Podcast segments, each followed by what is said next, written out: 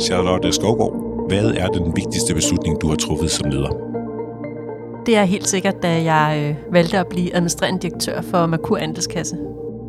Det var en rigtig stor beslutning. Dels at skulle være administrerende direktør for første gang, og også øh, være leder af en meget værdibaseret organisation. Du lytter til Ledelse med Vilje, en podcast fra lederstof.dk, hvor du møder nogle af Danmarks mest inspirerende og mest markante ledere til en samtale om deres livs vigtigste beslutninger. Din vært på programmet er Anders Vass, chefredaktør på lederstof.dk. Dagens gæst er Charlotte Skovgaard. Hun står blandt andet bag og er tidligere direktør for Coop Bank og har arbejdet som konsulent og leder i den finansielle sektor. I dag er hun administrerende direktør for Merkur Andelskasse. Charlotte Skovgaard, du er administrerende direktør i øh, Merkur Andelskasse, som er en, et pengeinstitut øh, med en masse bæredygtige øh, værdier. Hvad karakteriserer dig som leder? Jamen, øh, først og fremmest så øh, er jeg en værdibaseret leder, forstået på den måde, at øh, you see what you get. Øh, du kan se på mig, når jeg er glad. Du kan også se på mig, når der er noget, jeg ikke er så tilfreds med. Og så tror jeg, at jeg er tydelig til at kommunikere. Det er i hvert fald det, som mine kollegaer og, og medarbejdere øh, ofte nævner, når de sådan skal karakterisere mig. Merkur er en bæredygtig bank, hvor investeringerne er bæredygtige. I forhold til din ledelsesgærning, tænker du så også bæredygtighed ind der? Ja, jeg tænker ind på den måde, at øh, vi skal jo walk the talk. Så altså de krav og forventninger, som vi har til vores kunder, vores samarbejdspartnere, jamen dem skal vi selvfølgelig også selv øh, efterleve. Men jeg tror også, det er vigtigt, at i Merkur er bæredygtighed jo ikke bare sådan et kursus, vi har været på, eller et produkt. Det er hele vores DNA. Så når jeg leder, jamen så gør jeg det jo på toppen af en bæredygtig forretningsmodel. Så bæredygtigheden er måske i endnu højere grad en integreret del af alt, hvad vi gør, og ikke noget, vi taler om som en selvstændig disciplin. Men er der nogle gange, hvor du i din ledelsesgærning tænker, jeg må hellere gøre det her, end det her med bæredygtighed i, i baghovedet på en måde?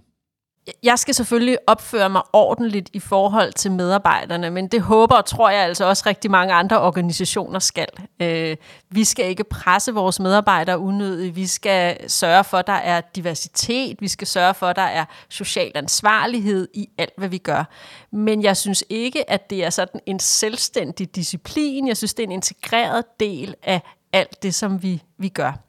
Øh, helt lavpraktisk, øh, så skal vi selvfølgelig være bæredygtige i vores øh, adfærd i dagligdagen. Altså vores indkøbspolitik skal være bæredygtig.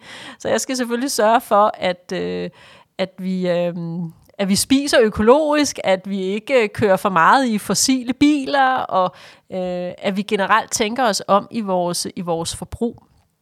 Det her det er jo ledelse med vilje, hvor vi øh, taler med dig om nogle af de store beslutninger, der har ført dig hertil, hvor du er nået i din øh, karriere og også øh, fremad.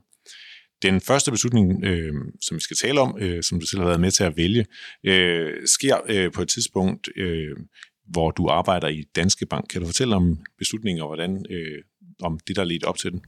Ja, jeg var jo elev og privatkunderådgiver i starten af 90'erne, øhm, og på det tidspunkt, der var altså det her begreb, som vi kaldte kanonsalg. Altså, at hvis du som ung menneske skulle have en kassekredit, så var det betinget af, at du tegnede en kapitalpension. Sådan lige for at, at sige det lidt karikeret. Og det kunne jeg bare mærke øh, gennem øh, flere år. Det fungerede ikke ret godt for mig, at det var det, der var succeskriteriet. Det var det, der skulle til for at være en succes. Så på et tidspunkt, så står jeg en morgen og ser mig selv i spejlet og tænker, at det her, det kan jeg simpelthen ikke. Så begyndte jeg at gøre mig nogle tanker om, jamen hvad skal der til for, at, at jeg kan arbejde mig øh, ud af den her situation. Og så opstod der en mulighed for at øh, læse noget, der hed Danske Bankakademi, som var sådan en rigtig spændende, god uddannelse tilbage i 90'erne, hvor jeg kunne fokusere på erhvervskunder i stedet for privatkunder. Og det var for mig en måde at, at komme over i et miljø, hvor der var endnu større fokus på fagligheden, og hvor jeg kunne blive udfordret endnu mere af de kunder, jeg mødte. Så det at tage beslutningen om at gå fra øh, privatkundesegmentet over på erhvervskundesegmentet, jamen det, det står for en, som en ret vigtig beslutning for mig, og har øh, jo også præget den, øh, den karriere, jeg har haft efterfølgende. Hvad var det konkret med, øh, som du oplevede var problemet med at øh, skulle smide en kapitalpension oven i en kassekredit?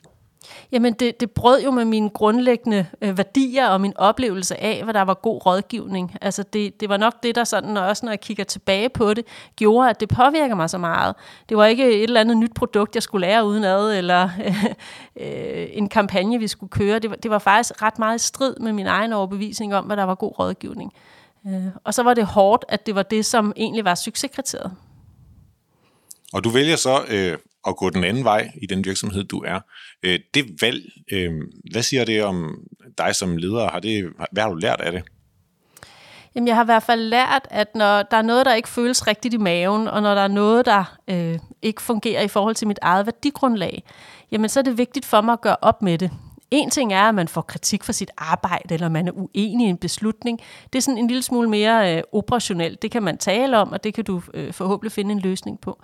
Men når det sådan grundlæggende strider mod noget, som jeg synes var ordentlighed og redelighed, jamen så er jeg nødt til at reagere, for ellers så, så får jeg ondt i maven. Når du træffer den slags store beslutninger, hvem rådfører du dig så med? Jamen, øh, det er jo ikke en beslutning, man sådan typisk tager fra den ene dag til den anden. Det gør jeg i hvert fald ikke. Så det er jo en, en, en proces, der modnes. Og så har jeg nogle gode venner, jeg har min familie, og så har jeg også sådan et, et netværk af øh, nogle tidligere chefer og tidligere kollegaer, som jeg, har, øh, som jeg har kendt i mange år, som kender mig godt. Og når jeg skal tage nogle, nogle vigtige beslutninger, jamen så, øh, så spørger jeg faktisk ofte nogle af dem, der, der kender mig godt, øh, om hvad de vil øh, råde mig til at gøre.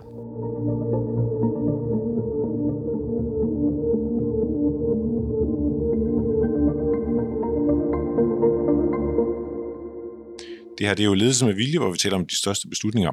Men en af de ting, vi også altid gør, det er, at vi beder vores øh, hovedpersoner om at tage et eller andet med, som fortæller noget om, øh, hvem de er, øh, både som person og som leder, og og hvad har du taget med? Jamen, jeg har taget et, øh, et billede med, som øh, jeg sidste sommer fik af øh, min niæse. Jeg har tre niæser, og øh, en af dem var en dag med øh, faster på arbejde. Jeg havde jo fået det her nye job, og de ville gerne ind og se, hvor det var faste arbejdet. Men jeg skal også være ærlig at sige, at jeg havde nogle møder den dag, så Katarina, som det handler om her, hun sad lidt alene inde på mit kontor. Og så på et tidspunkt, så kommer jeg tilbage, og så har hun lavet en meget, meget fin tegning, hvor der står tre grunde til, at Merkur styrer. Og så har hun skrevet, de passer på vores klima og miljø, de får dine penge til at give mening, og deres direktør styrer og er den bedste faster. Og det synes jeg egentlig er så fin en, øh, en opsummering af nogle vigtige ting for mig, at... Øh, og så er jeg selvfølgelig glad for, at øh, lille Katarina på 10 år, at hun helt af sig selv har kunne opfange de her positive budskaber omkring Merkur. Det lyder heller ikke som verdens øh, spændendeste jobbesøg at besøge en, en bankdirektør i forhold til en, en, en landmand, hvis man er et barn. Jeg tror også, at hun havde et helt andet billede af alt det der med alle de der penge, vi passede på. Så det, var en, øh, det var en kedelig dag på kontoret.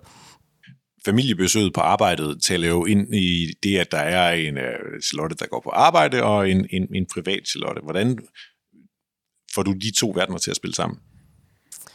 Jamen, det er jo et, øh, det er et godt spørgsmål, og det er et vigtigt spørgsmål, fordi det gør jeg jo hver dag. Og øh, jeg tror, med årene er jeg blevet meget bevidst om, at jeg ikke er to forskellige versioner af mig selv, afhængig af, om jeg er privat eller jeg er øh, på arbejde. Og i takt med, at jeg sådan er steget i graderne og har fået mere og mere ansvar, så er det også blevet mere tydeligt for mig, at, at jeg er nødt til at være mig selv, fordi jeg har simpelthen ikke tid og overskud til andet. Altså jeg har simpelthen ikke tid til at have en påtaget rolle, fordi det er så travl en hverdag, at jeg skal tage så mange beslutninger det er også derfor, jeg tror, at, at noget af det, der kendetegner mig, det er, at you see what you get. Altså, jeg, jeg er meget mig selv i, i alt, hvad jeg gør. Øhm, så er det klart, så er der en gang imellem, hvor jeg øh, trækker stikket og lader batteriet op og er, er helt stille og, og går og samler tankerne. Fordi det er den måde, jeg så kan præstere arbejdsmæssigt. Hvad gør du for at lade op? Det er et rigtig, rigtig godt spørgsmål. Og det har jeg øvet mig i i mange år. Fordi jeg har tidligt i min karriere erkendt, at, at jeg lever et hektisk liv. Jeg arbejder mange timer øh, hver dag. Da jeg var yngre, der tog jeg på øh, silent retreats. Der hævde jeg simpelthen øh, tre eller seks dage ud af kalenderen en gang imellem. Og så tog jeg øh, ud og var stille og øh, reflekterede og, og fandt mig selv. Og jeg fandt ud af, at det var det, der skulle til, for at jeg kunne komme styrket tilbage. Øh, og så arbejdede jeg nok en eller anden grad af, af hektisk hverdag ind i mit liv igen, og så øh, efter tre til seks måneder, så hæv jeg stikket igen. Nu har jeg øh, købt et lille sommerhus på Fejø, et lille bitte sommerhus på 36 kvadratmeter, hvor jeg tager ned en gang imellem, når jeg har været igennem en øh, hektisk periode, og så øh, går jeg og hiver noget ukrudt op af jorden, og øh, går lange ture, og hygger mig med nogle skønne mennesker. Øh, og dernede er jeg jo øh, ikke øh, bankdirektøren, der er jeg Charlotte fra nummer 9.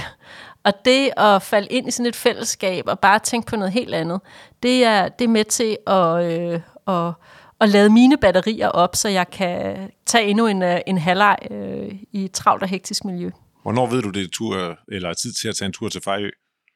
Jamen med årene, så ved jeg godt, hvad det er for nogle begivenheder i løbet af et år, øh, som, som trækker tænder ud, og hvor der har været øh, stress på, hvis jeg har gennemført en stor øh, organisationsændring, hvis øh, vi har lige holdt øh, generalforsamling og bestyrelsesmøder sådan lige oven i hinanden, så ved jeg, at øh, inden så længe, så skal jeg lige have en weekend øh, på Fejø for sådan lige at, at lande igen.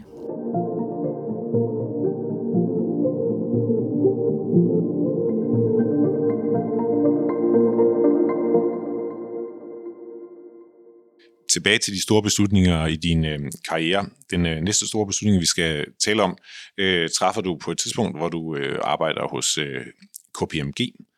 Kan du igen fortælle, hvad det er, der sker der? Ja, jeg har været managementkonsulent i, øh, i seks år på det tidspunkt, og øh, jeg skal være ærlig at sige, at da jeg startede som konsulent, så var der mange, der sagde til mig, at det var noget, jeg var i nogle år, og så havde man ligesom prøvet det, men, men jeg trives egentlig meget godt i, i miljøet, og, og der var gået de her seks år. Og så får jeg en rigtig spændende opgave øh, for Coop, detailhandelkæden Coop, som øh, gør sig nogle indledende tanker om at etablere en, øh, en bank. Og øh, den opgave arbejder jeg på i et halvt års tid sammen med et, et større team af både danske og udenlandske kollegaer. Og så på et tidspunkt, så bliver jeg spurgt, om jeg har lyst til at komme over på den anden side af bordet og fortsætte øh, arbejdet med, med, øh, med etableringen af banken øh, på Coop-siden. Det er sådan en klassisk konsulent, et klassisk konsulentdilemma. På et eller andet tidspunkt, så vil man gerne ud i det virkelige liv igen.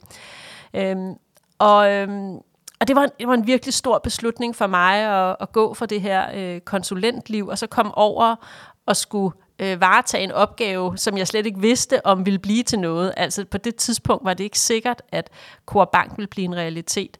Og jeg havde sådan lidt et øh, undercover job som øh, direktionsassistent øh, for Coop, og det er klart, der var ikke ret mange, der vidste, hvad det egentlig dækkede over. Og når jeg synes, det var en stor beslutning, så var det det her med, at jeg ikke vidste, hvad det ville føre til. Men jeg havde et rigtig godt indtryk af, af ledelsen, og jeg havde arbejdet tæt sammen med dem. Og jeg havde egentlig tillid til, at vi nok skulle finde ud af det, hvis ikke Coop Bank blev til noget. Så, så jeg tænkte, den her chance bliver jeg simpelthen nødt til at tage. Det er kun én gang i mit liv, at jeg får mulighed for at bygge en bank fra bunden af. Og så må jeg stole på min mavefornemmelse. Jeg må stole på, at den, det positive billede, jeg havde af, af, ham, der skulle være min chef, at, øh, at vi nok skulle finde ud af det, hvis, øh, hvis ikke banken blev til noget.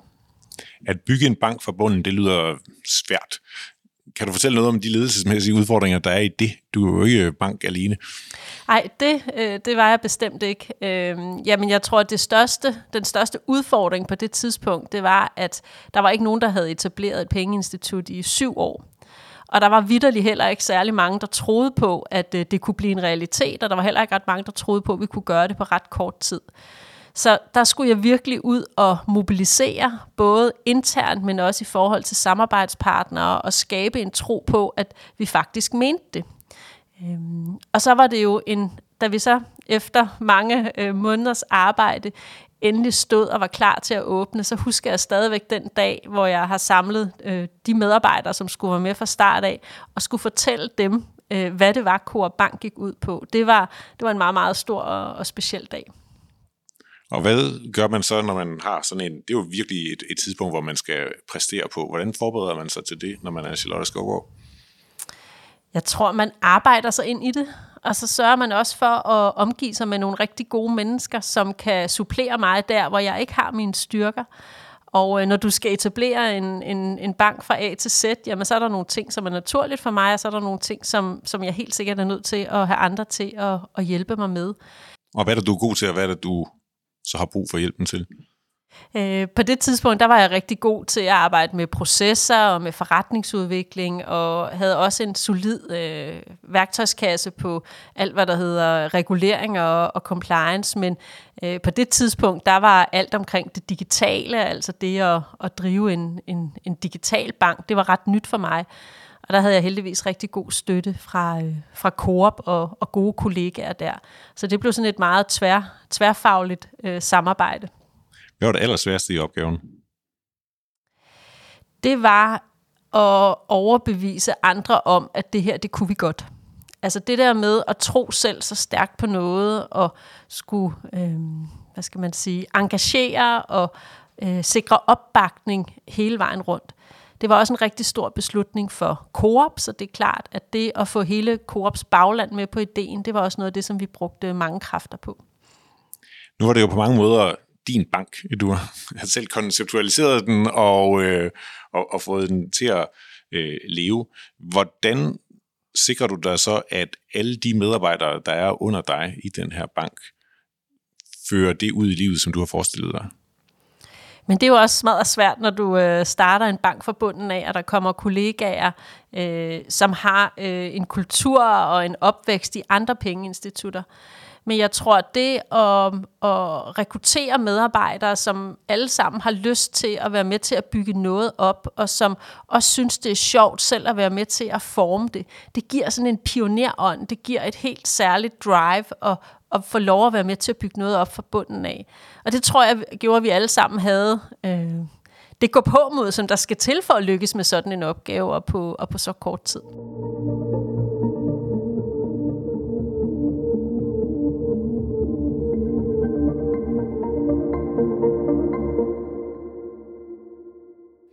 Tilbage til de, øh, de store beslutninger og til det, du selv kalder den allerstørste af dem alle sammen. Det er, da du øh, skifter fra, øh, på det tidspunkt arbejder du i Arbejdernes Landsbank, øh, til din nuværende stilling i, øh, i Merkur. Kan du fortælle om det? Ja, altså jeg havde jo faktisk ikke været så længe i Arbejdernes Landsbank, da telefonen ringede, og der var en headhunter i røret, som spurgte, om jeg kunne tænke mig at høre lidt mere om, om, om jobbet i Merkur.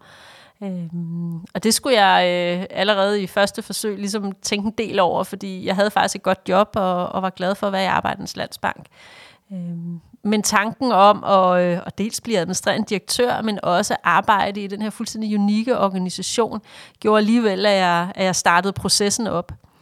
Øhm, og så er det en, en meget, øh, det var i hvert fald for mig en stor beslutning at skulle øh, ind i en organisation, hvor Lars Persson, som er min forgænger, har været i, i Merkur og stiftet Merkur for 38 år siden. Og det at skulle tage over efter ham og træde i hans fodspor, øh, det, var, det, det var i hvert fald en stor beslutning. Også fordi Merkur er så værdiborgen, som Merkur nu er. Så jeg havde mange samtaler med både øh, øh, headhunteren, som bistod i processen, og med øh, bestyrelsesformand og bestyrelsen i forhold til at forstå værdierne og øh, have nogle gode snakke om, hvordan jeg kunne se mig selv i det her meget, meget stærke værdigrundlag. Du sætter ligesom to øh, gode grunde op til, at øh, du takker ja til, til det her job. Den ene er at blive øh, administrerende direktør, som vil være en, kan man sige, en, en personlig ambition, og det andet er øh, at købe ind øh, på Merkurs øh, øh, bæredygtighedsdagsorden, og det ja. de gerne vil. Hvad vejer tungest for dig? Jamen, jeg kan ikke skille det med, fordi det, jeg er administrerende direktør, gør jo, at jeg har mulighed for at, og øh, forene de to øh, aspekter af Merkur. Altså det at være meget værdiborgen, det at arbejde med bæredygtighed og social ansvarlighed, og så gøre det med det, der er min kernekompetence, som er øh, den finansielle sektor og det at drive et pengeinstitut. Altså de, jeg synes, det er, det er så fantastisk, at jeg med den baggrund fra den finansielle sektor, som jeg har, øh, kan være med til at drive en bæredygtig dagsorden, fordi vi pengeinstitutter, vi har en rigtig vigtig rolle at spille i den, øh, i den bæredygtige omstilling. Vi har en rigtig vigtig rolle i at kanalisere penge de steder hen, hvor de gør en forskel. Og, og jeg synes, det er fuldstændig unikt, i hvert fald for mig, at jeg kan forene min faglighed, min viden øh, omkring det at drive pengeinstitut med en så unik øh, position og et DNA, som Merkur har. Og så få de her værdier ud og leve. Altså, så, så for mig er det en drømmesituation, at jeg kan arbejde med, med begge dele. Øh, og så endda på en, en agenda på et område, som er så vigtig i, øh, i den omstilling, som vi, øh, vi er i gang i. Og nu, nu har du jo så erfaring fra, øh, fra både Danske Bank og Coop Bank og Arbejdernes Landsbank. Øh, du har ikke været administrerende direktør de andre steder, men du har selvfølgelig et, et indblik i, hvordan det foregår der. Hvad er forskellen på at være administrerende direktør øh, der, hvor du sidder nu, hvor det hele ligesom et eller andet sted handler om bæredygtighed, og så i de mere traditionelle banker? Ja, altså som sagt, så har jeg ikke prøvet det de andre steder. Jeg tror også, at udviklingen er gået rigtig stærkt, så det billede, jeg havde af Danske Bank for 20 år siden, er jo ikke det samme øh, i dag. Men det, der kendetegner Merkur, det er jo, at bæredygtighed og social ansvarlighed, det er hele vores DNA. Altså det er ikke bare et projekt, eller en fix idé, vi har fået, eller to nye produkter, som vi er i gang med at udvikle. Det er omdrejningspunktet for alt, hvad vi gør. Så hver gang, at jeg skal tage en strategisk beslutning, så skal jeg dels sikre mig, at det er økonomisk bæredygtigt, og det er i tråd med lovgivningen, og det dækker kundernes basale behov, men jeg skal også hele tiden sikre mig, at det er i tråd med vores værdigrundlag at vi ikke øh, inviterer kunder øh, indenfor i Merkur, som er øh, i modstrid med vores værdier. Vi skal ikke lancere produkter, som er i modstrid med vores værdier. Så der er hele tiden to aspekter af de strategiske beslutninger, som, øh, som vi skal træffe. Og det synes jeg er enormt spændende og, og meget fascinerende. Og nogle gange lidt kompleks lyder det til. Kan du også savne der øh, en, en verden, hvor, hvor bundlinjen det er noget med nogle tal, og hvis de er høje og sorte, så er det godt, jeg synes ikke, jeg savner det, fordi det har jeg jo også. Det er den ene del af det, jeg arbejder med. Og så er det bare en stor glæde, at, at jeg kan drive et pengeinstitut på toppen af nogle værdier, som er så rigtige, og som også er så meget op i tiden i øjeblikket. Altså det her med at, at få lov til at udbrede og gøre Merkurs værdier endnu mere kendte og så bruge min faglighed og min viden om, hvad der skal til for at drive et, et godt og effektivt pengeinstitut. Hvorfra øh, stammer dit ønske om at arbejde med de her værdier og øh, altså på et højere plan gøre verden til et bedre mm. sted? Jamen, jeg tror, tidlig i min karriere var jo i det, man vel kan kalde de sådan mere blå verden. Øh, Danske Bank og, og KPMG er vel sådan meget blå. Øh. Og da jeg så arbejdede i Coop, jamen, så fik jeg øjnene op for, at øh, man også kan tjene et større formål i det her tilfælde, og, øh, og være der for, for medlemmerne af Coop. Altså så hver gang, at vi skulle tage en beslutning, jamen, så skulle det både være godt for bundlinjen, men det skulle faktisk også være godt for medlemmerne. Øhm, Arbejdernes Landsbank er, har jo også en ejerkreds, som på sin egen måde er værdibaseret. Og i Merkur, jamen der er det jo sådan hele DNA'et at de beslutninger, vi tager, jamen de skal både være økonomisk bæredygtige og bæredygtige i bred forstand. Så jeg tror, det er noget, der sådan er vokset på mig, hvis jeg må tillade mig at bruge det ord. Øhm, og jeg, da jeg var i proces omkring jobbet i, i Merkur, så var der flere af, af kollegaerne, der sagde til mig, jamen du vil opleve, at det vokser på dig. Det, det er virkelig rigtigt, altså, og, og det er meget sigende, at jo mere viden man har om et emne, jo større indsigt du har, jamen jo nemmere er det jo også at blive øh, grebet af det. Jeg tror også, det er det, der sker i forhold til klima og miljø og bæredygtighed, at, at danskerne og forbrugerne får øjnene op for, hvordan man kan tage nogle bæredygtige valg. Og det er også det, der er sket for mig. Altså, jeg er ikke sådan født øh, ind i en meget bæredygtig eller klimabevidst øh, familie, men det er sådan vokset på mig gennem årene.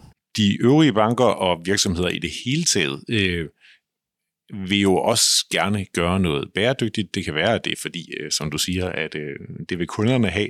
Der kan også være øh, mere ideelle årsager. Men jeg forestiller mig, at det betyder et, et, et pres mod jer, hvis øh, de øvrige banker i virkeligheden øh, kan tilbyde det samme. Hvad gør I for at blive ved med at være den mest bæredygtige? Jamen, altså grundlæggende så er vi jo glade for, at der er flere pengeinstitutter, der har fået øjnene op for, at bæredygtighed er vejen frem. Og når det er sagt, så er vi virkelig optaget af, at vi pengeinstitutter, uanset om det er Merkur eller andre, vi har virkelig en vigtig rolle at spille i den her omstilling. Og det har vi, fordi penge er magt, penge er empowerment, fordi den måde, du som forbruger bruger dine penge på, kan virkelig skabe en forandring i verden. Og det er ikke kun, hvis du køber økologisk nede i supermarkedet, men det er det her med, at du kan Øhm, du kan investere bæredygtigt. Altså du kan kanalisere din opsparing i retning af nogle øh, fonde, af nogle virksomheder, som reelt arbejder for en bedre verden. Og, og det synes jeg er, er dybt fascinerende. Og i Merkur, der kommer det jo også til udtryk ved, at vi har jo kun kunder, som er bæredygtige. Og dem, der har valgt at investere i Merkur, de har jo gjort det, fordi de gerne vil foretage en bæredygtig investering. Så de forventer jo hele tiden, at vi går forrest. Så jeg er ret sikker på, at både vores egne kunder og danskerne i bred forstand, de godt kan skelne mellem et pengeinstitut, som har arbejdet bæredygtigt i 38 år, og som er bæredygtig helt ind i vores DNA, og så et pengeinstitut, hvor bæredygtighed er noget, der sker i kommunikationsafdelingen, og så er det to produkter på hylden. Jeg forestiller mig, at dine medarbejdere også er ekstremt optaget af bæredygtighed, siden de har søgt øh, derhen. Er de nogle gange efter dig, hvis du ikke er ambitiøs nok? Ja, på en rigtig god måde. Og det var faktisk en af de ting, jeg var mest sådan usikker på, da jeg startede. Det var sådan, jamen er jeg nu bæredygtig nok? Øh, derhjemme i familien, der havde vi øh, en elbil, men øh, vi havde altså også en, der var fossil, og øh, jeg kunne faktisk også godt spise et stykke kød engang imellem. Jeg var ikke 100% vegetar, og sådan var der nogle områder, hvor jeg tænkte, nej, hvad tænker de nu om mig? Men det rigtig gode er jo, at i Merkur, der er vores værdigrundlag så bredt, så der er mange forskellige nuancer. Og jeg tror, vi har alle sammen nogle elementer i værdigrundlaget, som vi brænder mere eller mindre for. Men vi har sådan en generel nysgerrighed på, på alle, alle aspekter. Og så sker der det, når man kommer ind i en organisation, hvor, hvor bæredygtighed fylder så meget, at det vokser på en. Og det her med at blive øh, inspireret hver dag til, hvordan du kan agere mere bæredygtigt og socialt ansvarligt, det gør bare, at man tager nogle valg, Øhm, så nu har jeg også fået en, øh, en øh, el-firmabil, og det er klart, det er sådan nogle ting, at der skal vi selvfølgelig sørge for, og jeg skal sørge for at, at gå forrest.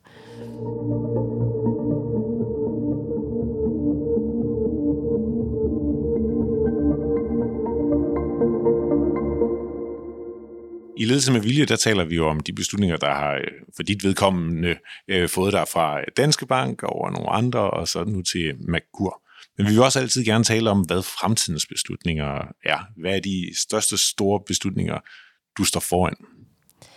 Jamen det er jo at sikre, at Merkur også i fremtiden er det her fyrtårn, og vi tør gå forrest. Og når det er en svær beslutning, så er det jo fordi, vi hele tiden, jeg hele tiden skal have fokus på, hvad, øh, hvad fremtiden bringer, øh, hvad der er oppe i tiden, hvordan jeg hele tiden kan sikre, at vi er et skridt foran. Øhm, og så kræver det jo en gang imellem at tage nogle af de her hårde beslutninger, fordi jeg hele tiden skal balancere den økonomiske bæredygtighed med bæredygtigheden i bred forstand. Så det næste skridt efter, at vi har sagt nej til fossile biler, efter vi har sagt nej til at finansiere øh, boliger med oliefyr, med mindre man er klar til at øh, udskifte med en varmepumpe, jamen det næste valg, det er jo svært, fordi jeg ved ikke, hvad det er endnu. Jeg skal hele tiden følge med, og jeg skal være parat til at, at, at tage et svært valg. Og vi mener jo i Merkur godt, at det må gøre en lille smule ondt og øh, støtte op om øh, for eksempel øh, den fossile dagsorden. Altså, det må godt være lidt dyre, det må godt være lidt mere besværligt at, at tage nogle bæredygtige valg. Men, øh, men det tror jeg bliver min, på den korte bane øh, en af de, de store beslutninger, jeg skal tage. Du har jo en karriere, hvor du har skiftet job ret mange gange, øh, for, altså, for at få en masse spændende jobs undervejs selvfølgelig. Øhm, men du har jo ikke en alder, hvor, øh, hvor hvis du skal skifte job lige så ofte, at øh, du kan gå på pension fra, øh, øh fra andelskassen her. Så hvad tænker du personligt?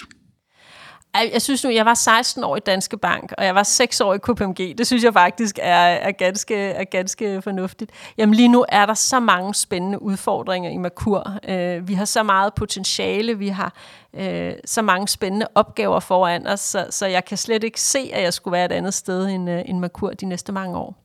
Men det behøver heller ikke at være, fordi du er et andet sted. Det kan også godt være nogle måder, du ønsker at udvikle dig som, som leder til at være en anden type, eller hvad ved jeg? Ja, altså nu har jeg kun været i Merkur i, øh, i, øh, i godt et år, og jeg har brugt rigtig mange kræfter på at lære organisationen at kende. Øhm, jeg glæder mig rigtig meget til at komme ud og være øh, endnu mere sammen med vores kunder, også på den anden side af corona. Lære dem at kende, få noget jord under neglene, fordi det har sådan altid været vigtigt i min, i min lederstil, at jeg, at jeg, at jeg ved, hvad det er, jeg, jeg arbejder med, og hvem jeg arbejder sammen med så har jeg et, øh, et stort øh, ønske om også at komme endnu mere ud og tale med mine internationale kollegaer. Øh, Merkur er en del af Global Alliance for Banking and Values, som er en sammenslutning af internationale værdibaserede banker. Og der er virkelig nogle inspirerende øh, kollegaer rundt omkring i hele verden, som jeg glæder mig til at komme tættere på og, og lære af. Øh. Så, så der er masser af, af udfordringer på min uh, to-do-liste, som, uh, som jeg skal arbejde med de, uh, de næste mange år. Og sådan helt personligt, jamen så, øh, så det at, øh, at være øh, på i medierne, det at have sådan en mere udadvendt profil, det er stadigvæk noget af det, som jeg øh, arbejder med og skal lære, fordi det har jeg ikke været, været vant til. Charlotte Skovgaard, tak fordi du er med i Ledelse med Vilje. Velbekomme.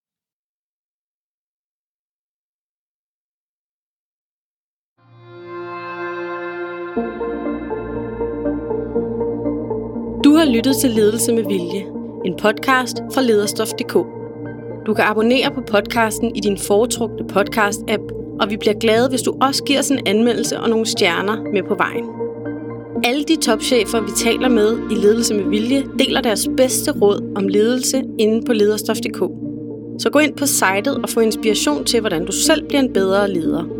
Bag lederstof.dk står lederne, Danmarks største interessefællesskab for ledere.